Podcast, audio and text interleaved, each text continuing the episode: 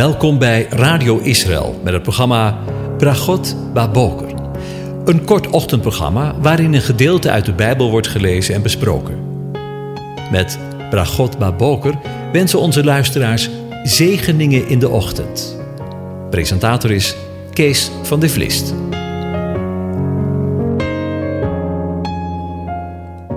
Goedemorgen, Bokatov, beste luisteraars. Vanmorgen denken we weer verder na over Psalm 127. En ik lees hem aan je voor. Een pelgrimslied van Salomo. Als de Heere het huis niet bouwt, te vergeefs zwoegen zijn bouwers eraan. Als de Heere de stad niet bewaart, te vergeefs waakt de wachter.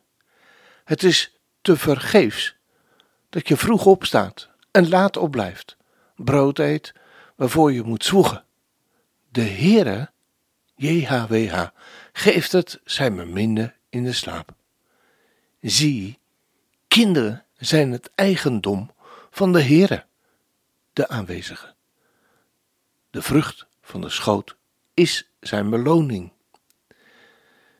Zoals de pijlen in de hand van een held, zo zijn de zonen ontvangen in de jeugd. Welzalig de man die zijn pijlkoker daarmee gevuld heeft. Zij worden niet beschaamd als zij met de vijand in de poort spreken. Tot zover. Over erfgenamen gesproken nog een keer. Ook de voorgaande afleveringen hebben we met elkaar naar de betekenis van de inhoud van het Hebreeuwse woord nagalat of erfgenaam of erfbezitter gekeken. Daarin ontdekten we dat het volk Israël het erfbezit is van de Heere God en dat het land Gods erfdeel is en vervolgens, en misschien had ik dat eerst wel moeten noemen, dat Jezus, Yeshua, de erfgenaam van de Vader is. Maar ook de gelovigen in deze tijd, zij die niet behoren tot het natuurlijke volk Israël, mag zich een erfgenaam weten. U en ik dus. Er bestaat namelijk een allensomvattend goddelijk heilsplan. Daaraan kan elk mens deel krijgen. Het staat zo beschreven. Gelijk Hij ons uitverkoren heeft in Hem, van voor de grondlegging der wereld, die ons tevoren verordineerd heeft tot, en dan letterlijk, adoptie door Jezus Christus. En we lezen dat in Efeze 1, vers 4 en 5 in de Statenvertaling. God stelde dit plan reeds op voor de grondlegging van de wereld. Dit betekent in elk geval dat hij zijn voornemens vastlegde voordat hij de mens schiep. Door de schepping van de mens werkt God dit voornemen uit. Het is een adoptieplan. Kort gezegd wil God de mensheid aannemen als zijn kinderen, zegt de Statenvertaling, en volgens de NBG als zijn zonen. Gods kind of Gods zoon zijn wil zeggen dat deze evenals hij onsterfelijk leeft. Laten we er duidelijk over zijn. God stelt zijn onvergankelijke kracht niet ter beschikking aan een nieuw te scheppen mensheid. Hij laat de doden niet maar dood in de aarde achter. Nee, volgens zijn plan openbaart hij zijn vernieuwende, geestelijke kracht aan personen, groot en klein, die op de aarde leefden en stierven. Herleven zullen de doden. Dit echoot door de hele Bijbel heen. Door alle eeuwen heen brengt God een onsterfelijke familie tot stand. Een volk dat zal leven van eeuwigheid tot eeuwigheid. In liefde heeft Hij ons tevoren ertoe bestemd als zonen van Hem te worden aangenomen door Jezus Christus, naar het welbehagen van Zijn wil, lezen we in Efeze 1, vers 5. Elk mens, man of vrouw is bedoeld om in liefde aangenomen te worden als Gods kind, zegt de Statenvertaling, of als Gods zoon, lezen we in de MBG. Dit klinkt misschien wat raar. Een vrouw als zoon. Dat komt door de Bijbelse vertaling van het Griekse woordje dat adoptie betekent. In de Romeinse tijd kon een gehuwde man, ongeacht of hij wel of geen kind had, een slaaf of slavin bevorderen tot eigen kind. Na het Romeinse recht kreeg de geadopteerde slaaf of slavin dan dezelfde rechten als een eigen kind. Dat is precies wat God wil met de mens. Hij wil hen goddelijke rechten geven. Daarom die Bijbelse oproep: kies, kom, laat, grijp het eeuwige leven. Als de mens op aarde leeft, is er de mogelijkheid om alvast door de geest geadopteerd te worden. Het Griekse woord komt op deze wijze voor in Romeinen 8, vers 15. Gij hebt ontvangen de geest van het zoonschap, door welke wij roepen: Abba, Vader. Gods geadopteerde kinderen kunnen hem door de geest nu al aanroepen als vader. Zij behoren immers tot zijn familie. De geadopteerde Romeinse slaaf ontving daardoor ook recht op de erfenis. Precies deze betekenis, maar dan die van de goddelijke erfenis, mocht de apostel Paulus aan ons doorgeven. Gods geadopteerde kinderen hebben recht op een erfdeel, zegt Galaten 4 vers 6. Waar bestaat deze erfenis uit? Het erfdeel dat de vader zijn geadopteerde kinderen aanbiedt, is het eeuwige leven. De geest die de adoptie verzorgt, biedt bovendien de heilige garantie op de erfenis. De heilige geest der belofte, die een onderpand is van onze erfenis, tot verlossing van het volk dat hij zich verworven heeft, tot lof zijne heerlijkheid.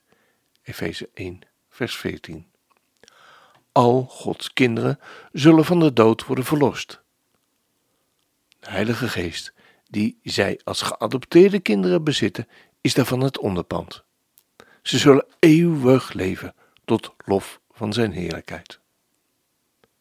Een erfenis kan pas worden verkregen als de erf later is gestorven, lezen we in Hebreeën 9, vers 16 en 17. Hoe zit het nu in het geestelijk leven? Het recht op de erfenis voor Gods kinderen bestaat ook omdat er iemand is overleden. Het gaat om niemand minder dan Gods Zoon, Jezus Christus.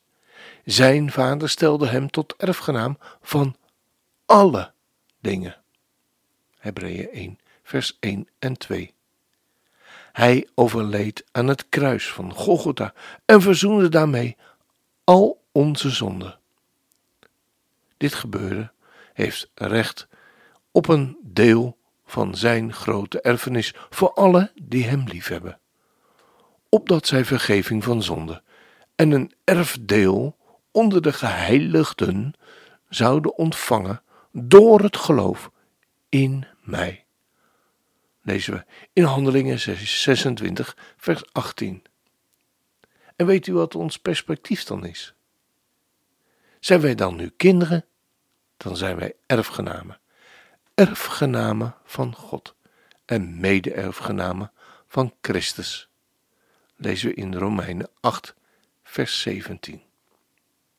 En in Colossense 1, vers 12, en daar sluiten we mee af, daar lezen we: Daarbij danken wij de Vader, die ons bekwaam gemaakt heeft om deel te hebben aan de erfenis van de heiligen in het licht.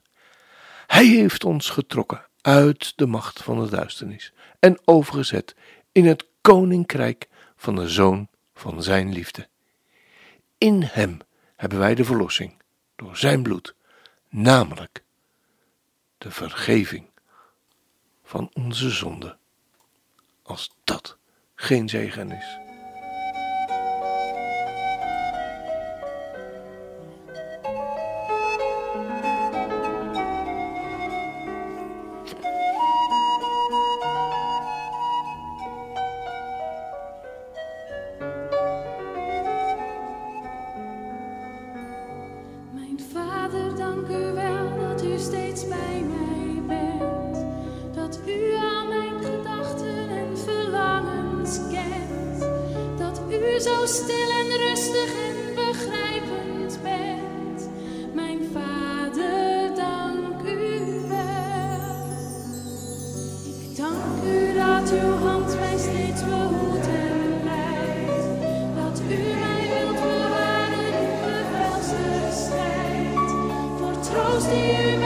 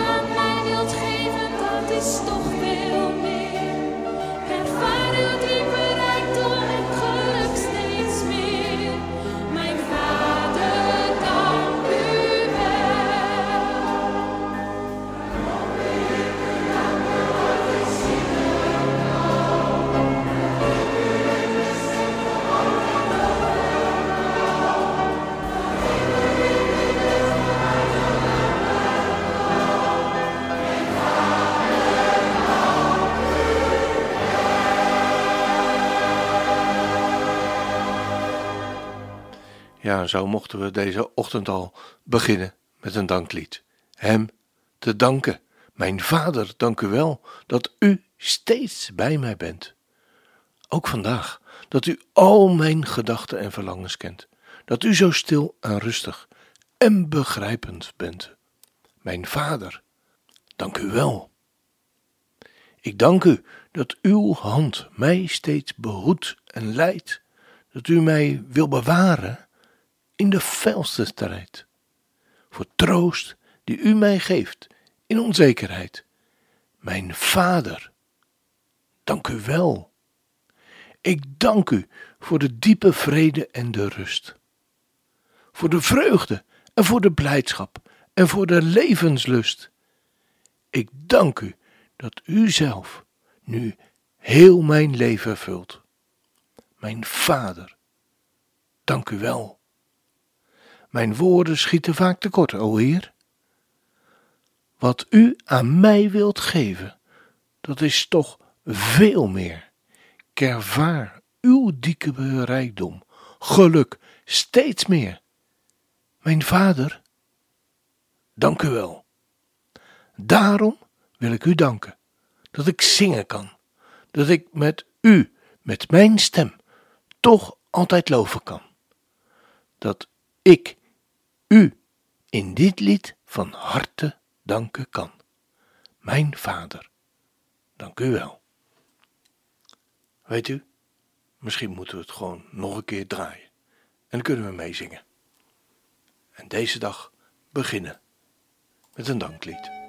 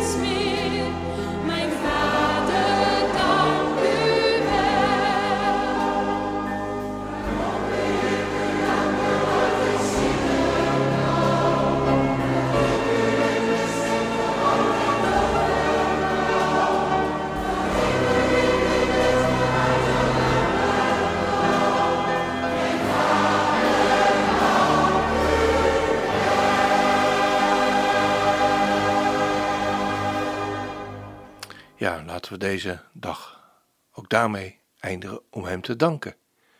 Te danken voor de zegen die Hij ons elke dag maar weer wil geven. Hij staat met geopende armen om ons te zegenen, ook vanmorgen. De Heer zegene u en Hij behoedt u. De Heer doet zijn aangezicht over u lichten. En wees u genadig. De Heer verheft zijn aangezicht over je en geeft je zijn vrede, zijn shalom. Amen.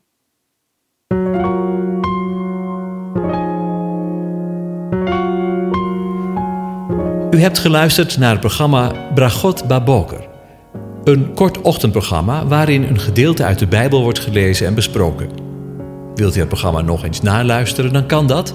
Ga naar radioisrael.nl en klik onder het kopje radio op Uitzending gemist.